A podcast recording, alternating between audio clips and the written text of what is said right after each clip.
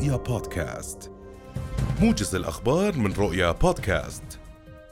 شهدت مدينة غزة خلال الساعات الماضية غارات غير مسبوقة منذ بدء عدوان الاحتلال الإسرائيلي على القطاع وأسفرت عن سقوط مئات الشهداء وتدمير مربعات سكنية بأكملها. ففي حل في حي عفوا تل السلطان ومخيم جباليا بقطاع غزة سقط 17 شهيدا جراء قصف الاحتلال لمنزلين كما استشهد 15 فلسطينيا في قصف استهدف منزلا غرب مدينة رفح. كما استهدفت بعض الغارات دير البلح مما تسبب بسقوط العشرات من الشهداء والجرحى. واستشهد كذلك أكثر من ثلاثين فلسطينيا إثر غارة شنها الاحتلال واستهدفت منزلا مأهولا بالسكان في منطقة الميناء غرب مدينة غزة. وينضم إلينا مراسلنا من غزة غازي العلول. أهلا بك غازي ما هي آخر التطورات على الساحة حاليا في قطاع غزة؟ نعم تحية لك محمد. الليلة كانت ضبابية بالنسبة لنا نتيجة عدم قدرتنا على الوصول لمصادر الأخبار حيث قطع الاتصال وهي المرة الثالثة خلال هذه الحرب. التي يعمل الاحتلال الإسرائيلي على عزلنا عن ما يجري على الأرض ميدانيا لكن على كل حال كانت ليلة عنيفة للغاية في مدينة غزة وشمال القطاع تركزت الاستهدافات على تدمير الشوارع والبنى التحتية لمدينة غزة وكذلك الشمال الاستهدافات طالت شوارع رئيسية كشارع الجلاء وشارع الرمال وبذلك يمكن القول بأن مدينة غزة قد قسمت إلى نصفين منها الشرقي ومنها الغربي نتيجة هذه الاستهدافات بالإضافة إلى عزل مدينة غزة عن الجنوب. نوعا ما كانت الليلة في الجنوب هادئة نوعا ما ولكن في غزة لم تتوقف الغارات والاحزمه النارية في المناطق التي تشهد توغلا لاليات الاحتلال ويجري فيها اشتباكات عنيفة على المحاور الأربعة. يبدو من ذلك بان الاحتلال يسعى للوصول إلى عمق مدينة غزة وهي الخطة والهدف الرئيسي بالنسبة له في هذه هذه العملية العسكرية البرية وتمهيدا للوصول إلى المستشفيات التي ركز في تصريحاته الإعلامية طوال الفترة الماضية على الوصول إليها وتدميرها. أيضا كان هناك استهدافا للمستشفى الخاص بالمرضى النفسيين في مستشفى النصر استهدفت إحدى النوافذ في هذه المنطقة بقذيفة نتيجة القصف العشوائي من المدفعية وهذا المستشفى أيضا يحتوي فيه عدد كبير من النازحين. حتى هذه اللحظة هناك مناطق مستهدفة لم تستطع السيارات لسعه الوصول إليها نعم. بالنظر إلى أنها تعتبر نقاط حمراء لا يمكن التواجد فيها ولا يمكن وصول الكوادر الطبية هناك سكان في هذه النقاط الحمراء غازي؟ بكل تأكيد محمد نعم. هذه المناطق لا زالت يتواجد فيها عدد كبير من المواطنين الذين قرروا عدم النزوح م. وبالإضافة إلى التواجد داخل المستشفيات والمراكز الطبية التي تعتبر بالنسبة لهم آمنة بعض الشيء ولكنها تستهدف آآ آآ هذا أيضا يضع يعني علامات استفهام حول ما هي النيه من قبل الاحتلال الإسرائيلي في التعامل مع المدنيين المتواجدون هناك في قلب مدينة غزة إذا ما وصلت إليهم هذه القوات والاشتباكات. ونحن نتحدث عن اتساع رقعة العملية البرية والتقدم في أكثر من محور وأكثر من جانب. هل سيكون مصيرهم الموت كغيرهم بعد الاستهدافات العنيفة التي تطال مربعات سكنية كاملة أم أن العملية البرية فقط تستهدف الأماكن التي يعتبر الاحتلال الإسرائيلي أن له أهدافا استراتيجية فيها ك المستشفيات الرئيسية مستشفى القدس وكذلك مستشفى أو مجمع الشفاء الطبي. حتى هذه اللحظة الصورة ضبابية ولا يمكن لسكان مدينة غزة الآن أيضا الخروج والنزوح إلى الجنوب بالنظر إلى تقطع السبل والطرق في هذه المناطق نتيجة الاستهدافات. بالامس كانت هناك بالفعل في محاولات لبعض العائلات الفلسطينية بالنزوح إلى الجنوب ولكن عند بعض النقاط خاصة على شارع صلاح الدين الذي مدمرا للغاية لم تستطع هذه العائلات استكمال الطريق وعادت أدراجها و عدم استكمال الطريق هل بسبب قطع الاحتلال الإسرائيلي لهذه الطريق أم ما هو السبب الذي أعادهم مرة أخرى؟ بالفعل الطريق صلاح الدين الرئيسي هو طريق الوحيد الذي يعمل بالإضافة إلى شارع الرشيد. ولكن هذان الطريقان دمرا بالكامل نتيجة الاستهدافات. يعني يمكن عند نقطة معينة أن يتركوا سياراتهم و يكمل الطريق مشيا على الأقدام وذلك فيه خطورة للغاية بالنظر إلى عدم معرفة عدم معرفة المواطنين أماكن تمركز الاحتلال الإسرائيلي في هذه المناطق التي يقول إنه توغل فيها وإنه يسيطر على بعض المناطق فيها وهي القريبة من محيط شارع صلاح الدين وكذلك محيط شارع الرشيد بعد نحن نتكلم الآن غازي عن عن جحر الديك وما تلاها من مناطق؟ تماما محمد. منطقة جحر الديك هي منطقة قريبة جدا من شارع صلاح الدين والتوغل الذي شهدناه في الأيام الماضية كان من خلال هذه النقطة. بالإضافة إلى توغل آخر كان في شارع عشرة وهو أيضا القريب إلى شارع الرشيد شارع البحر أي أن الطرق المؤدية من مدينة غزة إلى جنوب القطاع يتمركز حولها عدد كبير من آليات الاحتلال وتدور هناك اشتباكات عنيفة. بالتالي هناك خطر لمن يرغب بالقدوم من غزة إلى الجنوب وهناك تخوف من أن يواجهوا آليات الاحتلال التي تتمركز في هذه المناطق. وفي أكثر من محاولة سابقة كانت السيارات التي تمر عبر شارع رشيد تستهدف بشكل كبير وكانت هناك عدد كبير من الجثث ملقاة على الأرض لأوقات طويلة لم تتمكن سيارات الإسعاف من الوصول إليها وانتشال هذه الجثامين. عمليا محمد يمكن القول بأن مدينة غزة أصبحت منفصلة تماما عن المناطق الجنوبية وهذا الهدف الرئيسي من العملية البرية هم يريدون هذا ما صرح به يوم أمس المتحدث باسم جيش الاحتلال الإسرائيلي حول أن عملية الفصل قد تمت. هو ما قصدوا بأن يفصل الشمال عن الجنوب؟ تماما ابدا لا يمكن نكرانه نتيجة التوغل المستمر بالإضافة إلى حجم الكثافه النارية التي تستهدف هذه المناطق التي تحيط بمدينة غزة من أربعة محاور. بالتالي يبقى يبقى أو النقطة الفاصلة في هذه القضية هو ما ستفعله المقاومة في قادم الساعات. هي بالفعل تخوض اشتباكات عنيفة ونشهد تراجع في بعض الأحيان لقوات الاحتلال المتوغلة. ولكن عمليا سلاح الجو يستهدف بشكل كثيف كل منطقة يكون فيها اشتباكات عنيفة بعد انسحاب جزئي لقوات الاحتلال وهو تكتيك متبع منذ بداية هذه العملية العسكرية البرية، لكن تبقى الأمر بيد المقاومة. هل تمتلك الخطط الكافية والقادرة على يعني الاتفاق حول هؤلاء طيب ما هي ما هي تعليقات المقاومة حول هذه التوغلات المستمرة لجيش الاحتلال؟ وفصل الشمال عن الجنوب في مدينة غزة وما تلاها؟ محمد المقاومة تثبت قدرتها على التصدي وردع الاحتلال في بعض المحاور ولكن النقطة الفارقة هي سلاح الجو الذي يستهدف بكثافة المناطق التي تدور فيها اشتباكات.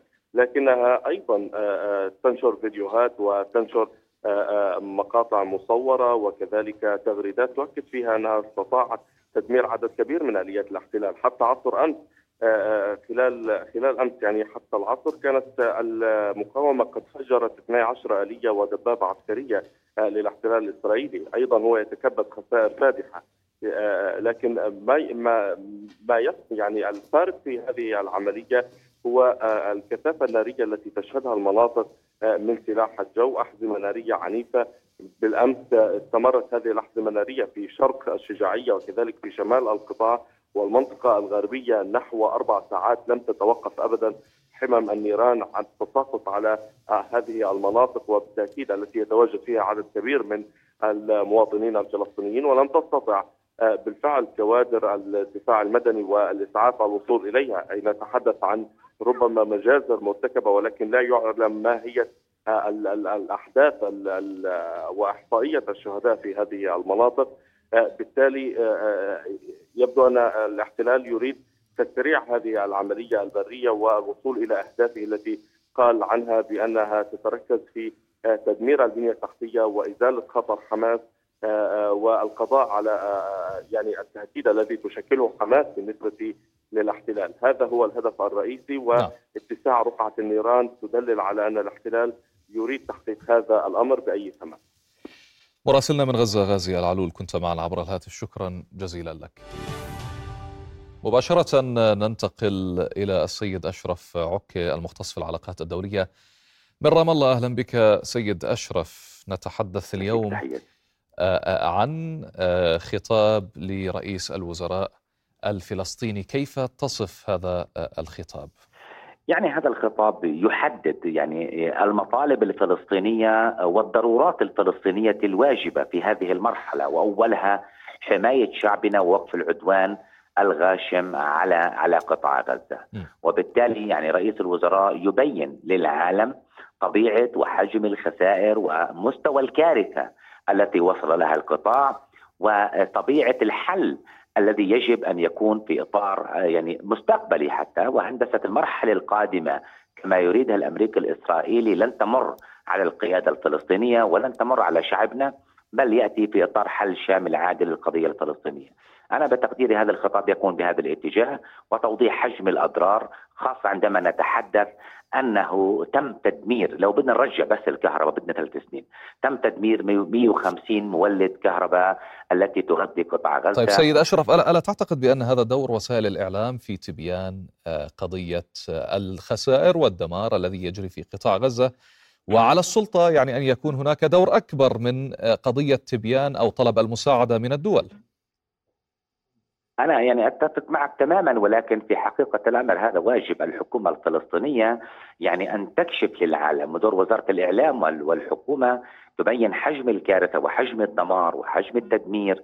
هذا واجب الجميع أنا بتقديري. وإن يعني هناك بعض وسائل الإعلام التي تبين وتوضح ولكن هذا يجب يتم توثيقه لأن هذا يعني يندرج في إطار التعويضات القانونية وتحميل إسرائيل المسؤولية الجنائية الدولية والتوجه للمحاكم والمؤسسات الدولية وبالتالي بدك جهة بالمفهوم القانون الدولي أن تحرك هذه الدعاوي وهذه المطالبات وهذا يأتي في إطار الرسمي وليس في إطار يعني الإعلان العام يعني عبر وسائل الإعلام هذا يحتاج إلى عمليات توثيق وترصيد ويعني والبحث عن مسارات قانونية وبالتالي الجهة التي تحرك هذه الدعاوي بصفتها من يمثل الشعب الفلسطيني الحكومة الفلسطينية في إطار يعني المؤسسات يعني يعني الفلسطينية الشرعية والتمثيلية بهذا الاتجاه.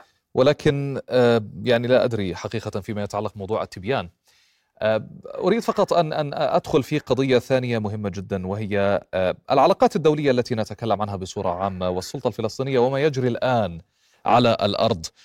ألم نرى الآن في أعيننا سيد أشرف بأن العالم قد ترك غزة وحيدة وقد ترك فلسطين وحيدة، ألا ترى يعني السلطة الفلسطينية أن هذا الأمر قد انتهى، يعني بلينكن خرج في قبل يومين وتحدث بصريح العبارة أن لإسرائيل الحق في الدفاع عن نفسها وأيضا أن حماس تختبئ في المستشفيات فبالتالي أعطت الشرعية وأعطت الضوء الأخضر لقصف المستشفيات، لقصف المدارس.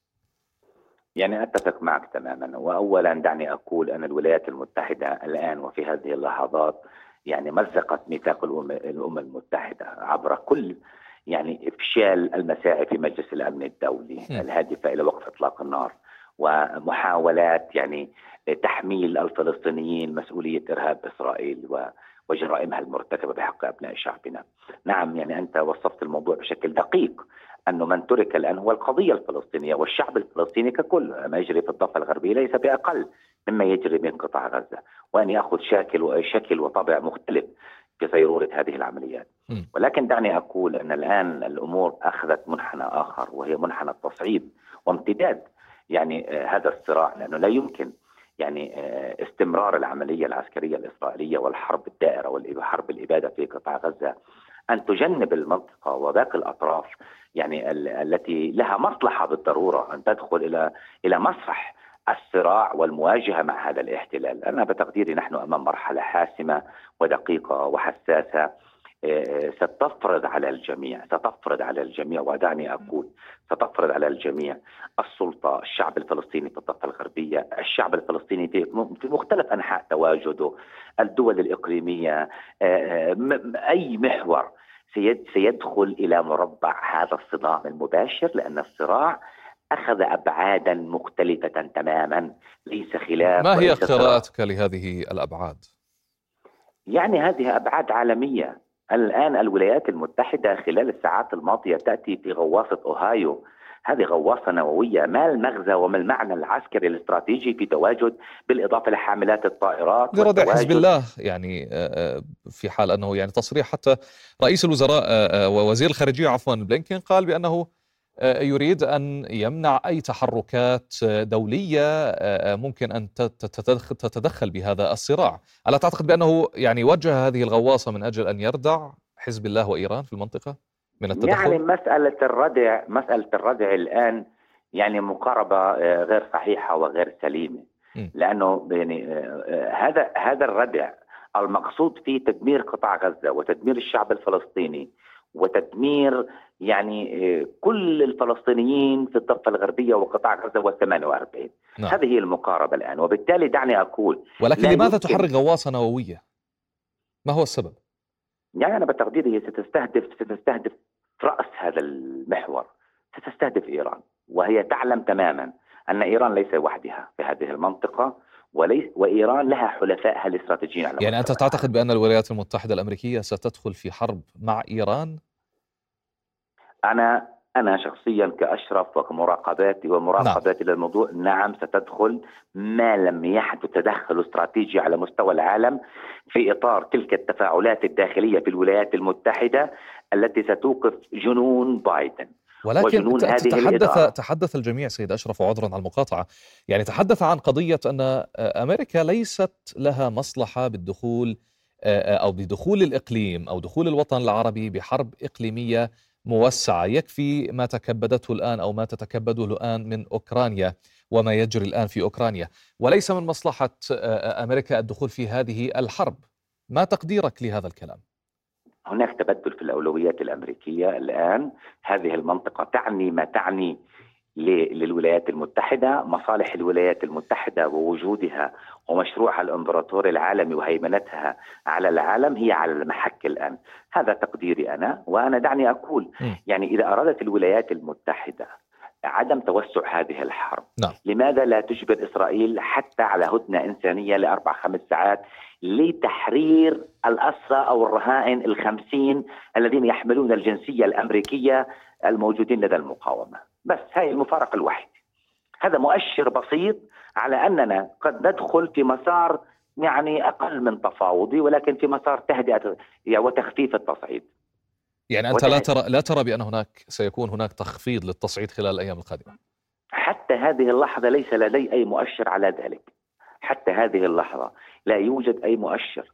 الخطاب الأمريكي السعي الأمريكي حتى هذه اللحظة يبدو أن المقاربة الإسرائيلية الأمريكية في تدمير القطاع واستمرار الحرب والإبادة هي هي هي السائدة في الذهنية والسلوك الأمريكي. لا يمكن الحديث كيف حتى مع الولايات حتى المتحدة. مع خطاب حزب الله الذي يعتبر مطمئن إلى حد ما إلى إسرائيل وإلى الولايات المتحدة خلينا نعتبر حزب الله عامل عامل آخر ونستثنيه في هذا في هذه اللحظة في نعم. التحليل يعني كيف تفشل الولايات المتحدة مساعي الأردن ومصر والإمارات العربية وقطر والفلسطينيين من أجل من أجل الوصول إلى إلى وقف إطلاق نار وإلى تهدئة حتى هدنة إنسانية.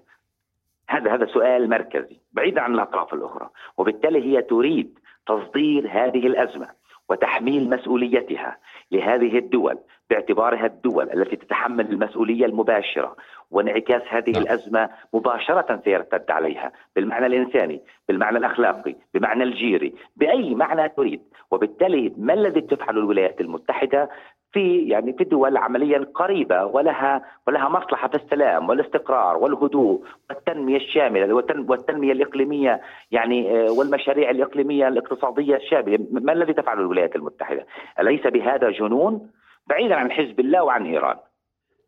طيب. كيف يعني وبالتالي تضطر لك الأردنية الهاشمية يعني بارسال بإرسال يعني آه، المساعدات عبر عبر يعني عبر تدخل مظلي بهذه الطريقة م. يعني يبدو أن الأمور دخلت في مسار يعني تريد إحراج المنطقة تريد تدمير بنى المنطقة تريد هندسة النظام الإقليمي وليس فقط يعني بالرغم يعني من كل. بالرغم من كل المصالح الموجودة بينها وبين المنطقة يعني أنا إلى الآن لا أدري ما هي مصلحة أمريكا من تدمير هذه المنطقة بالرغم من كل هذه المصالح لأن لأن المنطقة المقاربة التي تحملها الولايات المتحدة الإسرائيلية. كالاتي يا سيدي م. تريد اولا البحث عن عن عن وكيل أمني من هذه الدول بعد تدمير حماس والقطاع والبحث عن ممول. يعني تريد إسرائيل تدمر وتأتي قطر والخليج العربي ومن لديه مال لإعادة بناء ما تم تدميره بدها ممول. هذا بافتراض أن العملية العسكرية ستسير على خير ما يرام عند الإسرائيلي نعم. بهذا الاتجاه. طبعا لا قدر الله. والجانب الآخر تريد فرض نظام أمني وبالتالي تريد وكيل أمني ولكن عربي. نحن نتكلم عن سنوات سيد أشرف. يعني قضية اجتثاث المقاومة من قطاع غزة ليست بالأمر اليسير ولا بالأمر السهل. نتكلم عن سنوات. هل تتحمل أمريكا هذه التكاليف الباهظة؟ هل تتحمل إسرائيل هذا الاقتصاد المترنح؟ يا سيدي الولايات المتحدة بالمنظور الاستراتيجي وبمعايير ميزان القوى العالمي. فعليا منهارة اقتصاديا. نعم. وأوروبا مديونة للصين. ومنهارة اقتصاديا بفعل الحرب الدائرة بعد فشل حصار روسيا. وهذا مؤشرات التراجع الأمريكي الاقتصادي. نعم. وعجزها على كل المستويات. والغرب من ورائها. وخاصة دول ألمانيا بريطانيا فرنسا. هذه دول استعمارية.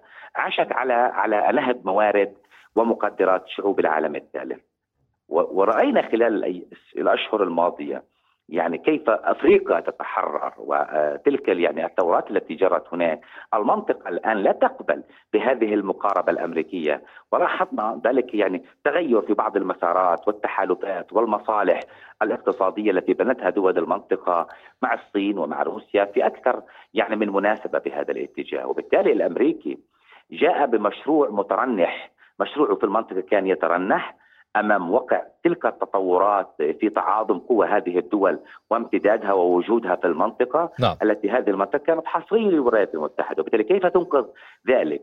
إلا بحروب. دعني أقول مؤشر واحد إيجابي للولايات المتحدة باعتبارها هي المستفيد من هذه الحرب م. أن يعني آه، آه، بسموه مجلس السلاح يعني السلاح الأمريكي هذا نعم. له علاقة بخمس ست شركات أمريكية يعني يعني معنية بالسلاح وبإنتاج مصانع السلاح هي يعني ارتفعت بورصتها نعم. هذا مؤشر على أن الولايات المتحدة تذهب في العالم وأعتقد طيب. أن من يقرأ يعني مواقف الدول الكبرى التي توافي الولايات المتحدة بالفهم والتحليل والتوصيف لطبيعة المعطيات والمؤسسات الدولية تفهم الولايات المتحدة تذهب في العالم إلى مربع الأزمة الكبرى. طيب سيد العزيز السؤال الأخير لك، هل ترى أن حركة حماس أصبحت ترى أن حزب الله لا يقوم بالدور المطلوب منه على وجه الدقة أو على الأقل قد خاب ظنها آه، بخطاب الأمين العام للحزب؟ يعني أعتقد من السابق لاوانه حسم هذا الاستنتاج بالمعنى النهائي. لأنه لسه آه، يعني آه، غزة بالمعنى متى نستطيع ان أن نحسم هذا الاستنتاج؟ أنا بتقديري أيام قليلة تفصلنا عن هذا عن المشهد يعني كامل متكامل في طبيعة يعني تطور المعارك التي تحدث الآن سواء كان في الشمال أو في باقي في باقي الساحات، أنا أقول أن الأمور إسرائيل أخذت الأمور وحتى هذه اللحظة كما أقول حتى هذه اللحظة. لا يوجد مؤشر على أن الحكومة الإسرائيلية آه، آه، يعني ستتخلص من نتنياهو أو ستوقف هذه الحرب أو الولايات المتحدة لديها مقاربة أخرى، وبالتالي بهذه المؤشرات وبهذه المعطيات الكبرى نحن أمام يعني آه، لحظات وأيام وساعات فقط. تفصلنا عن اتساع رقعة هذه الحرب. ما لم يحدث كما أنا أقول ما لم يحدث مفاجأة استراتيجية بالمسار السياسي أو بمسار الهدنة الإنسانية أو بتدخلات يعني عالمية طب هل ما زال المجتمع الإسرائيلي الداخلي يدعم هذه الحرب أم انخفضت نسبة التأييد لها؟ لا بالعكس يعني المجتمع الإسرائيلي يؤيد هذه الحرب يؤيد إبادة الشعب الفلسطيني نعم. ويعتبر أن يعني البريء في قطاع غزة هم فقط أسراهم لدى المقاومة وهذا هناك إجماع على كل المستويات رغم الخلاف وعدم الإجماع على نتنياهو أو على بعض يعني وزرائه في الحكومة، هذا ليس له علاقة بجوهر اذا الإجماع يعني على الحرب وليس على نتنياهو أو على الحكومة. نعم صحيح. أشكرك أشكرك سيد أشرف العكي كنت معنا من رام الله المختص بالعلاقات الدولية شكرا جزيلا لك. دعت حركة حماس الأمين العام للأمم المتحدة أنطونيو غوتيرش إلى تشكيل لجنة دولية لزيارة مستشفيات قطاع غزة وقالت حماس في بيان مقتضب اليوم إن الدعوة تأتي للتحقق من رواية الاحتلال الإسرائيلي الكاذبة والزاعمة باستخدامها مواقع للمقاومة. وأكدت الحركة أن ما ساقه آه، الناطق باسم جيش الاحتلال في مؤتمره الصحفي مجرد كذب وفبركات إعلامية وافتراءات مفضوحة. أعلنت كتائب عز الدين القسام الجناح العسكري لحركة المقاومة الإسلامية حماس اليوم أن مقاتليها قصفوا حشودا لقوات الاحتلال المتوغلة شرق جحر الديك في قطاع غزة المحاصر بقذائف هاون. وأعلنت القسام الأحد أنها قصفت تل أبيب مرتين ردا على المجازر الصهيونية بحق المدنيين وقالت في وقت سابق لليوم ذاته إنها دمرت دبابتين متوغلتين جنوب غرب تل الهوى بقذيفة الياسين 105 ودمرت كتائب القسام يوم الأحد خمس دبابات لقوات الاحتلال الإسرائيلي في قطاع غزة بقذائف الياسين 105 كما اشتبك مقاتلو القسام مع قوات الاحتلال الإسرائيلي شمال غرب القطاع حيث قالت كتائب القسام عبر موقعهم على تيليجرام إنهم قتلوا عددا من قوات الاحتلال الإسرائيلي من مسافة قريبة. أعلن جيش الاحتلال الإسرائيلي صباح اليوم ارتفاع عدد قتلاه منذ بدء عملية طوفان الأقصى في السابع من أكتوبر إلى 348 قتيلاً. وقال جيش الاحتلال إن مقاتل الكتيبة التاسعة قتل في معركة في شمال قطاع غزة وتم إخطار عائلته. وأضاف جيش الاحتلال أن مقاتلا من الكتيبة 202 لواء المظليين أصيب بجروح خطيرة خلال القتال في قطاع غزة وتم إخطار عائلته.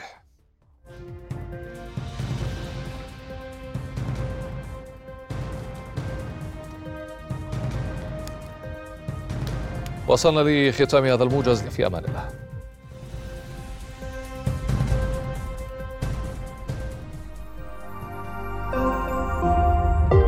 رؤيا بودكاست.